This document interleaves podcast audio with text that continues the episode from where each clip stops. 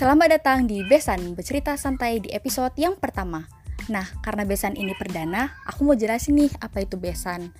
Besan ini adalah satu program kerja di bawah divisi konten kreator yang tujuannya adalah memperdalam topik dari tema terkait serta melibatkan interaksi dari teman-teman sekalian. Jadi sebelum kita berkomunikasi dengan narasumber, kita akan menyediakan kolom pertanyaan di story Instagram Omah Jiwa untuk memberikan kesempatan kepada teman-teman bertanya ataupun sharing tentang pengalamannya. Di episode perdana ini, kami mengundang Kak Anggi selaku founder dari Omah Jiwa sebagai narasumber. Nah, Kak Anggi, boleh cerita sedikit nggak nih gimana proses Omah Jiwa itu bisa terbentuk sampai saat ini? Oke, halo Adel. Halo Kak Anggi. Ya, halo teman-teman semua. Jadi melihat proses omah jiwa bisa terbentuk tuh sebenarnya nggak nggak cepet tapi juga nggak terlalu lama gitu kan. Jadi itu berawal dari keresahan aku pribadi karena mulai dari mahasiswa sampai lulus sebagai sarjana psikologi, aku melihat ternyata banyak orang-orang di sekitar aku, khususnya masyarakat di dekat rumah yang sebenarnya butuh banget bantuan psikologi gitu. Cuman dari sisi lembaga atau wadahnya itu kayak belum ada gitu. Akhirnya aku berinisiatif untuk ya udah deh gimana ya cara menampung aspirasi dari teman-teman dan masyarakat di sekitar sehingga kita buatlah yang namanya komunitas Oma Jiwa gitu. Dan merilis Oma Jiwa sendiri pun butuh waktu hampir setahun.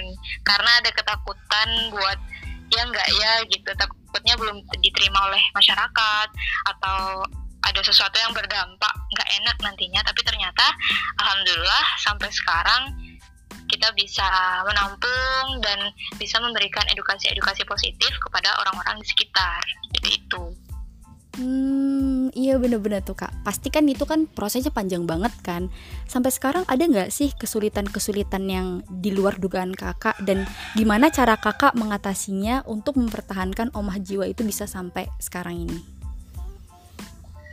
Kalau untuk kesulitan sih menurutku secara pribadi dan juga atas pertimbangan teman-teman tim juga, kesulitan terbesar itu datang dari bagaimana kita konsisten dalam melakukan program gitu. Jadi kita kan uh, sudah dikenal oleh beberapa masyarakat dari berbagai ini kota-kota di Indonesia gitu kan. Tapi di sini kita harus mempertahankan itu. Gimana caranya kita tetap bisa menjadi platform atau komunitas yang bisa dipercaya seperti itu.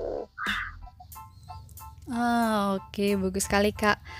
Nah, setelah kita ngobrol-ngobrol nih sama Kak Anggi tentang proses gimana Omah Jiwa itu bisa terbentuk dan gimana mereka menghadapi tantangan, tema kita kali ini juga ada kaitannya tuh dengan proses. Yang mana tema kita adalah tidak takut menjadi dewasa. Sebelum kita bahas proses lebih lanjut, menurut Kak Anggi nih, uh, dari pengalaman atau dari yang Kak Anggi pelajarin, definisi dewasa itu sebenarnya apa sih, Kak? Definisi dewasa gitu ya. Mungkin orang-orang tuh masih sedikit rancu tentang kedewasaan gitu kan.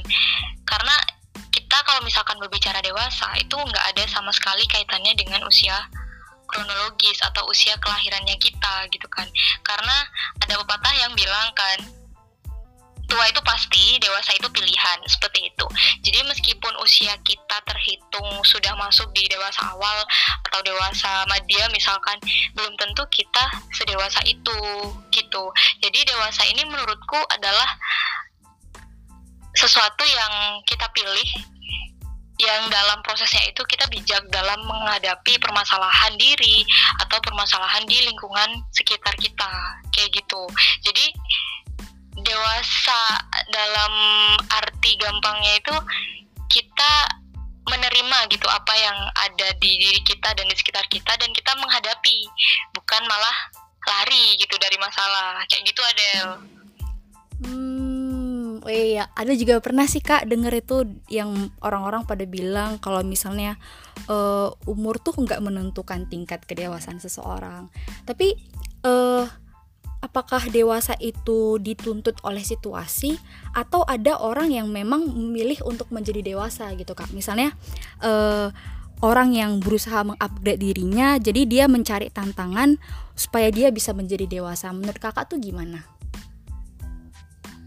Oke jadi kalau terkait atau tuntutan gitu ya itu bisa terjadi dari dua-duanya gitu ada teman-teman.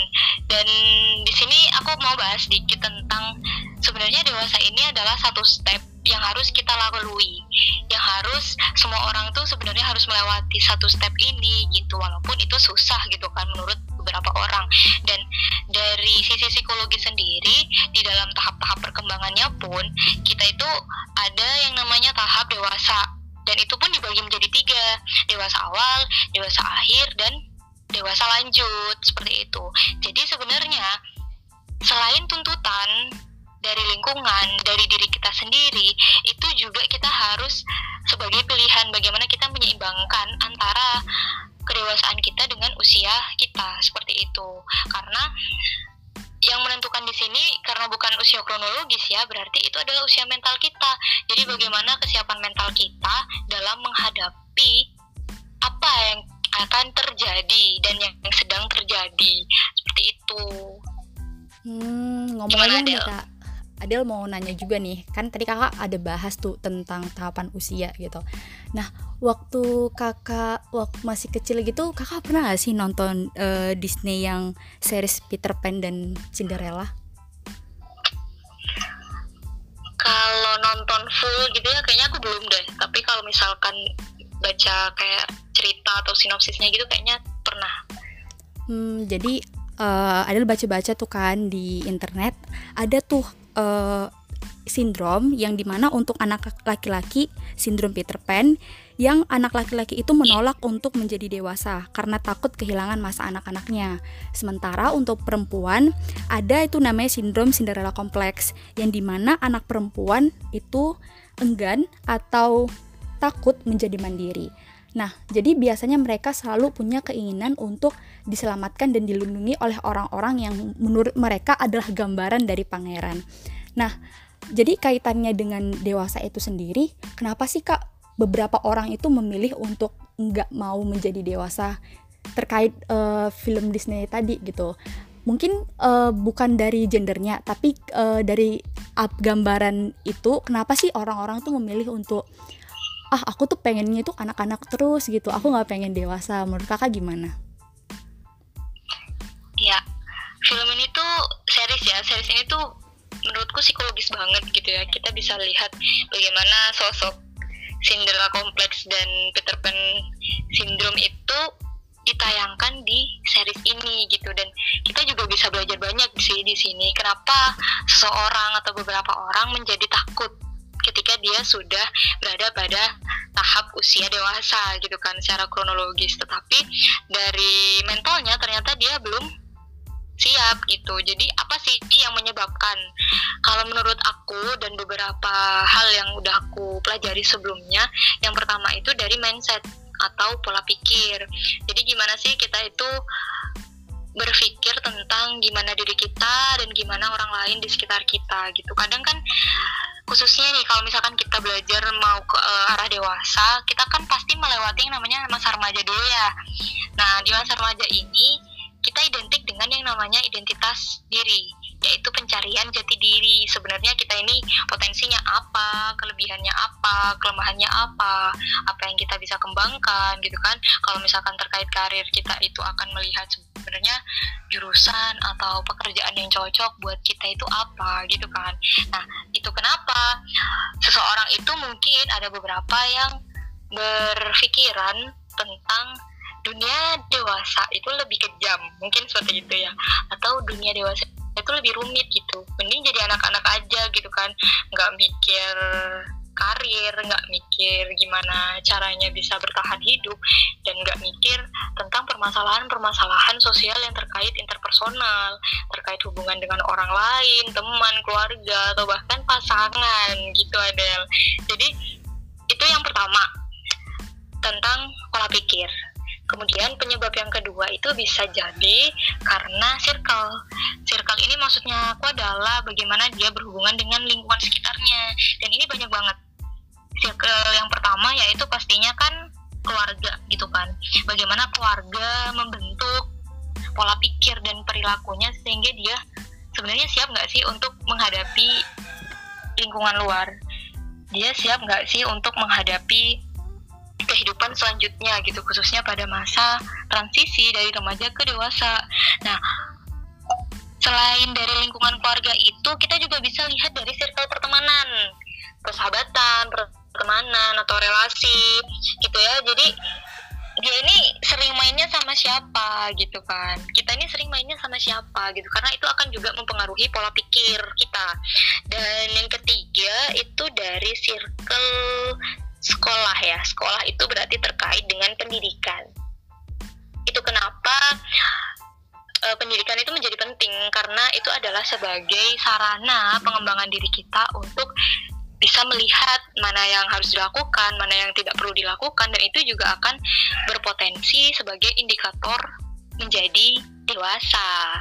Dan lingkungan yang terakhir itu, circle yang terakhir itu terkait circle sosial. Jadi lingkungan kita dengan masyarakat, bagaimana interaksi kita dengan tetangga mungkin, atau dari pihak-pihak yang berkaitan dengan kemukurusan desa atau pemerintahan seperti itu. Nah, ini semua bisa membentuk bagaimana pola pikir dan perilaku kita di masa-masa perkembangan kita gitu. Nah, di sisi lain juga kenapa sih orang itu takut menjadi dewasa? Karena yang pasti terlihat adalah takut mengemban amanah atau tanggung jawab yang besar karena banyak orang yang mengatakan bahwa orang dewasa itu dia yang harus mampu secara mandiri untuk menghadapi permasalahannya sendiri, entah itu terkait apa pun, terkait ekonomi, terkait pendidikan, sosial, bahkan kehidupan berumah tangga seperti itu. Jadi sebenarnya banyak hal yang mampu mempengaruhi kenapa sih Cinderella, Cinderella kompleks dan Peter Pan syndrome ini bisa terjadi. Dan memang ada beberapa orang yang mengalami itu, gitu Adele dan teman-teman tapi nggak usah takut ya Adel juga nggak perlu takut sih terkait ini gitu. Jadi tinggal kita bahas tentang gimana caranya nantinya kita tidak masuk ke dalam sindrom ini. Gitu Adel. Waduh Kak Anggi, penjelasannya itu bener-bener. Ada belajar banyak banget loh dari apa yang kakak bilang tadi. Bukan hanya permasalahan dari internal kita juga Tapi juga gimana kita tuh bisa engage ke eksternal kita gitu. Nah Kak Anggi, dari apa yang udah Kak Anggi uh, jabarkan tuh Kak Anggi jelasin teori-teori perkembangan Terus gimana kita juga mengantisipasinya. Kakak ada gak sih pengalaman yang bener-bener membentuk kakak itu sampai jadi sekarang ini gitu? Ya apa ya kalau dari aku pribadi sebenarnya tidak mematok. Aku tuh dewasa pada saat ini atau dewasa pada usia segini atau karena experience atau pengalaman ini gitu. Tapi lebih kepada semua yang terjadi di dalam hidupku itu adalah proses mendewasakan diri gitu. Dan aku mengenal kalimat ini proses pendewasaan diri itu kalau nggak salah ya kalau eh, seingatku itu di pada saat usia SMP jadi pada saat di SMP memang aku sudah diajarkan oleh orang tua khususnya itu untuk belajar hidup mandiri. Jadi btw ya ini by the way ya ada jadi mau cerita sedikit tentang bagaimana kehidupanku gitu kan. Apa-apa kak. jadi aku dari dari SMP dari SMP itu aku hijrah pendidikan gitu ya. Maksudnya hijrah pendidikan ini merantau gitulah jadi ceritanya rumahku itu di pedesaan gitu ada di kabupaten pedesaan yang menurutku itu termasuk tempat yang pelosok gitu dibandingkan yang di kota-kota gitu kan. Nah untuk perjalanan dari rumah ke SMP itu tuh membutuhkan waktu sekitar 30 menit lebih. Itu naik sepeda motor ya. Itu 30 menit lebih. Nah aku harus berangkat setiap pagi kan ke sana. Nah dari situ itu menurutku sudah proses bagaimana membentuk aku biar lebih dewasa gitu kan. Dan pulangnya pun diantar itu eh gini pagi pagi berangkat itu kan diantar naik sepeda motor. Kemudian pulangnya aku itu naik angkutan umum gitu. Jadi aku tuh sempet pulang karena angkutan umum itu kan biasanya harus nunggu penumpang banyak dulu gitu ya. Atau kayak masih ngantri-ngantri gitu akhirnya aku tuh pernah juga pada posisi pulang sekolah itu aku tuh pulang jam 12 tapi sampai rumah baru jam 2 gitu karena nunggu angkutan umum. Yang dia tuh ngetemnya lama banget gitu. Dan itu menurutku proses yang nggak bisa dibeli oleh apa pun dan nggak semua orang mengalami ini gitu dan di situ aku bersyukur. Nah itu pada SMP ya Delia jadi dari situ aku sudah mengenal bagaimana kehidupan ini akan membuat aku berproses menjadi lebih dewasa. Kemudian masuk di SMA lagi. Jadi di SMA itu memang aku sudah melanjutkan kegiatan-kegiatan organisasi dari SMP itu mulai dari OSIS, Pramuka dan sebagainya jadi di SMA aku udah mulai mandiri karena nggak perlu diantar lagi. Jadi aku naik motor gitu kan. Dan aku sempet kos di SMA setahun. Dan di situ aku juga ngerasain oh ini ya rasanya menjadi anak kos untuk persiapanku sebelum kuliah kayak gitu. Dan menurutku titik puncaknya yaitu ketika aku di perkuliahan di perkuliahan khususnya belajar psikologi gitu ya. Dan di situ aku banyak belajar tentang apa yang belum aku tahu sebelumnya dan ternyata bagaimana aku menghadapi kehidupanku sendiri dan bagaimana aku tetap menghargai orang lain di sekitarku gitu. Dan menurutku sampai sekarang pun aku belum dewasa gitu kan. Masih harus banyak hal yang harus aku lewatin masih banyak step yang harus aku lalui untuk menjadikan aku benar-benar lebih dewasa lagi gitu. Karena menurutku dewasa itu nggak ada ujungnya gitu. Ada teman-teman nggak ada ujung nggak ada di mana kita berhenti untuk dewasa. Yang pasti adalah dari semua proses itu akan mendewasakan diri kita gitu. Jadi dewasa tuh menurutku nggak ada habisnya gitu. Gitu Adel. Hmm iya iya ya. jadi Adel bisa uh, tarik kesimpulan dari pengalaman kakak kalau misalnya tiap orang pasti punya pengalaman dewasanya masing-masing. Nah tapi uh, kedewasaan itu sendiri bukan hal yang bisa dicapai dalam satu waktu gitu tapi pembelajaran yang nggak ada habisnya. Oh ya kak ngomong-ngomong nih ada nih pertanyaan menarik dari teman-teman yang mungkin terkait dengan di usia kita sekarang ini di umur 20 apa semua orang itu merasa resah gitu akan masa depannya? Dan apa orang-orang yang ada di umur 20-an ini tuh uh, kebanyakan cuman overthinking aja gitu kebanyakan didominasi dengan overthinking daripada bertindak untuk uh, untuk menyelesaikan uh, permasalahan yang mungkin menurut mereka merasa resah akan masa depannya menurut kakak gimana? berarti uh, yang penanya ini menganggap bahwa semua orang di atas usia 20 tahun itu ngerasa takut dewasa gitu ya atau yeah. ngerasa overthinking takut akan masa depan gitu ya kalau menurutku pribadi dan beberapa yang sudah aku pelajari tidak semua orang mengalami yang namanya ketakutan akan kedewasaan atau masa depan tidak semua. Namun, ada pada beberapa orang itu yang mengalami ketakutan, kecemasan, yang itu itu berlebihan. Tapi di sebagian orang, mungkin pada awalnya kita wajar loh untuk takut untuk kayak khawatir nanti aku masa depannya gimana ya? Gimana aku cara menghadapi ini? Apalagi mungkin yang sudah masuk ke dalam jenjang pernikahan gitu ya di usia muda. Gimana caranya untuk menghadapi pasangan atau mengatasi masalah di keluarga tanpa campur tangan orang tua gitu. Dan itu sebenarnya kewajaran bagi setiap manusia yang akan bertransisi dari remaja menuju dewasa awal gitu yaitu pada usia mungkin orang menganggapnya usia 20 tahunan gitu. Makanya sekarang ada teori baru yang namanya quarter life crisis gitu kan yaitu di mana usia seperempat abad kita ngerasa bahwa kita tuh krisis gitu melihat gimana sih masa depan yang harus kita hadapi bagaimana harus memproses karir kita kayak gitu. Tapi tidak semua terjebak dalam itu gitu.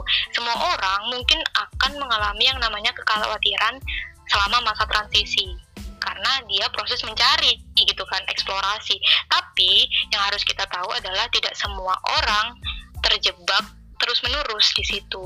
Jadi bagi sebagian orang itu adalah salah satu proses pendewasaan diri yang di mana kita tuh oke okay, kita dihadapan masalah dalam kekhawatiran masa depan gitu ya. Ya udah kita langsung cari solusi kita langsung sharing sama orang lain, kita cerita sama orang tua, habis itu kita sharing sama kakak kelas atau orang-orang yang menurut kita itu lebih expert gitu kan. Dari situ menemukanlah namanya solusi dan dari situ keluarlah dia dari yang namanya krisis quarter life crisis itu atau krisis menjadi dewasa itu gitu. Jadi tinggal kita itu memilih, kita itu mau milih terjebak terus menerus di ketakutan itu atau kita keluar dengan cari solusinya. Gitu Adel dan teman-teman. Uh, Terus ada mau nanya juga nih kak, kan tadi kakak bilang itu kan ada orang yang dia mencari solusi atau ada yang terjebak juga. Nah, mungkin di antara itu ada beberapa hal ketika di umur 20-an itu orang ngerasa bukan bukan cuma dari dirinya gitu, tapi juga dari eksternal itu menuntut mereka gitu. Misalnya kayak ya pertanyaan-pertanyaan klise sebenarnya cuman untuk beberapa orang cukup sensitif kan kak. Misalnya kayak kamu kapan tuh lulus? Atau kamu kapan tuh uh, nikah? gitu. Pertanyaan-pertanyaan itu yang sebenarnya adalah bentuk dari uh, tuntutan tuntutan masyarakat gitu tuntutan orang-orang lah gitu orang-orang terdekat kita gitu menurut kakak sendiri ada nggak sih kira-kira solusi supaya uh, setidaknya orang-orang itu berani gitu untuk uh, untuk beranjak menuju kedewasaan gitu dan mungkin menghilangkan apa ya uh, beban yang timpang di antara tuntutan masyarakat dan berfokus ke perkembangan diri sendiri gitu kak. Oke, gimana solusinya gitu? Oke, sekarang kita bahas solusi praktis gimana caranya kita bisa siap mental gitu ya, Adel ya. Iya kak. Nah kalau dari situ aku membagi ke tiga poin ya tiga poin praktis gimana caranya kita bisa belajar lebih dewasa gitu yang pertama open mind gitu jadi kita dari jurusan apa pun dari lulusan pendidikan apa pun dari background keluarga apa pun kita harus open mind. Open mind ini kan berarti kita memiliki pikiran yang terbuka. Kita mau menerima masukan, kita mau menerima saran, kita mau menerima informasi yang itu tuh penting buat perkembangan kita, buat bagaimana proses kita dalam kehidupan gitu. Jadi caranya buat open mind itu kan banyak hal ya. Mulai dari misalkan nonton idola yang memiliki positive vibes gitu kan atau nonton YouTube yang di situ tuh membahas terkait bagaimana proses self development pengembangan diri dan sebagainya gitu. Itu terkait open mind. Jadi yang pertama sendiri kita harus open mind yaitu merubah mindset itu tadi. Nah yang kedua yaitu kita punya kemauan belajar dan usaha yang keras gitu kan. Jadi kita mau dewasa nih tapi kita nggak mau usaha keras. Kita nggak mau usaha lebih keras dari orang pada umumnya gitu. Dan ini berkaitan dengan yang namanya out of the box gitu kan. Jadi kita belajar untuk keluar dari zona nyaman kita gitu.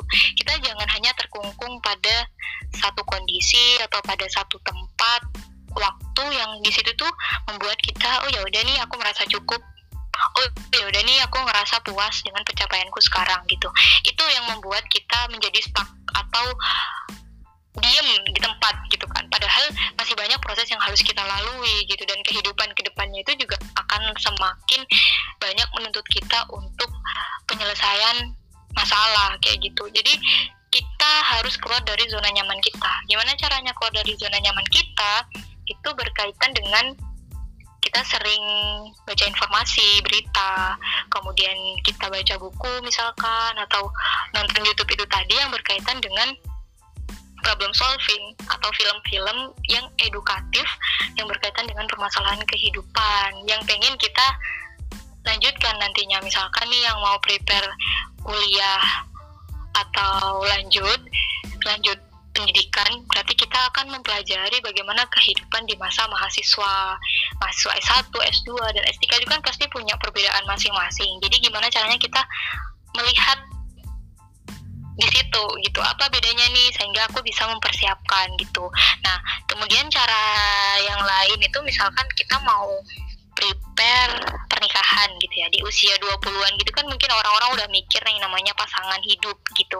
Jadi kita bisa yang namanya mungkin ikut seminar pranikah atau sharing dengan konselor atau psikolog atau praktisi-praktisi pernikahan gitu ya praktisi yang memang dia fokus di kehidupan pranikah. Dari situ kita juga bisa ada kemauan untuk ngelihat dan keluar dari zona nyaman itu gitu. Kita nggak stuck jadinya kita berpikir berkembang seperti itu. Kemudian yang ketiga caranya yaitu mau sharing.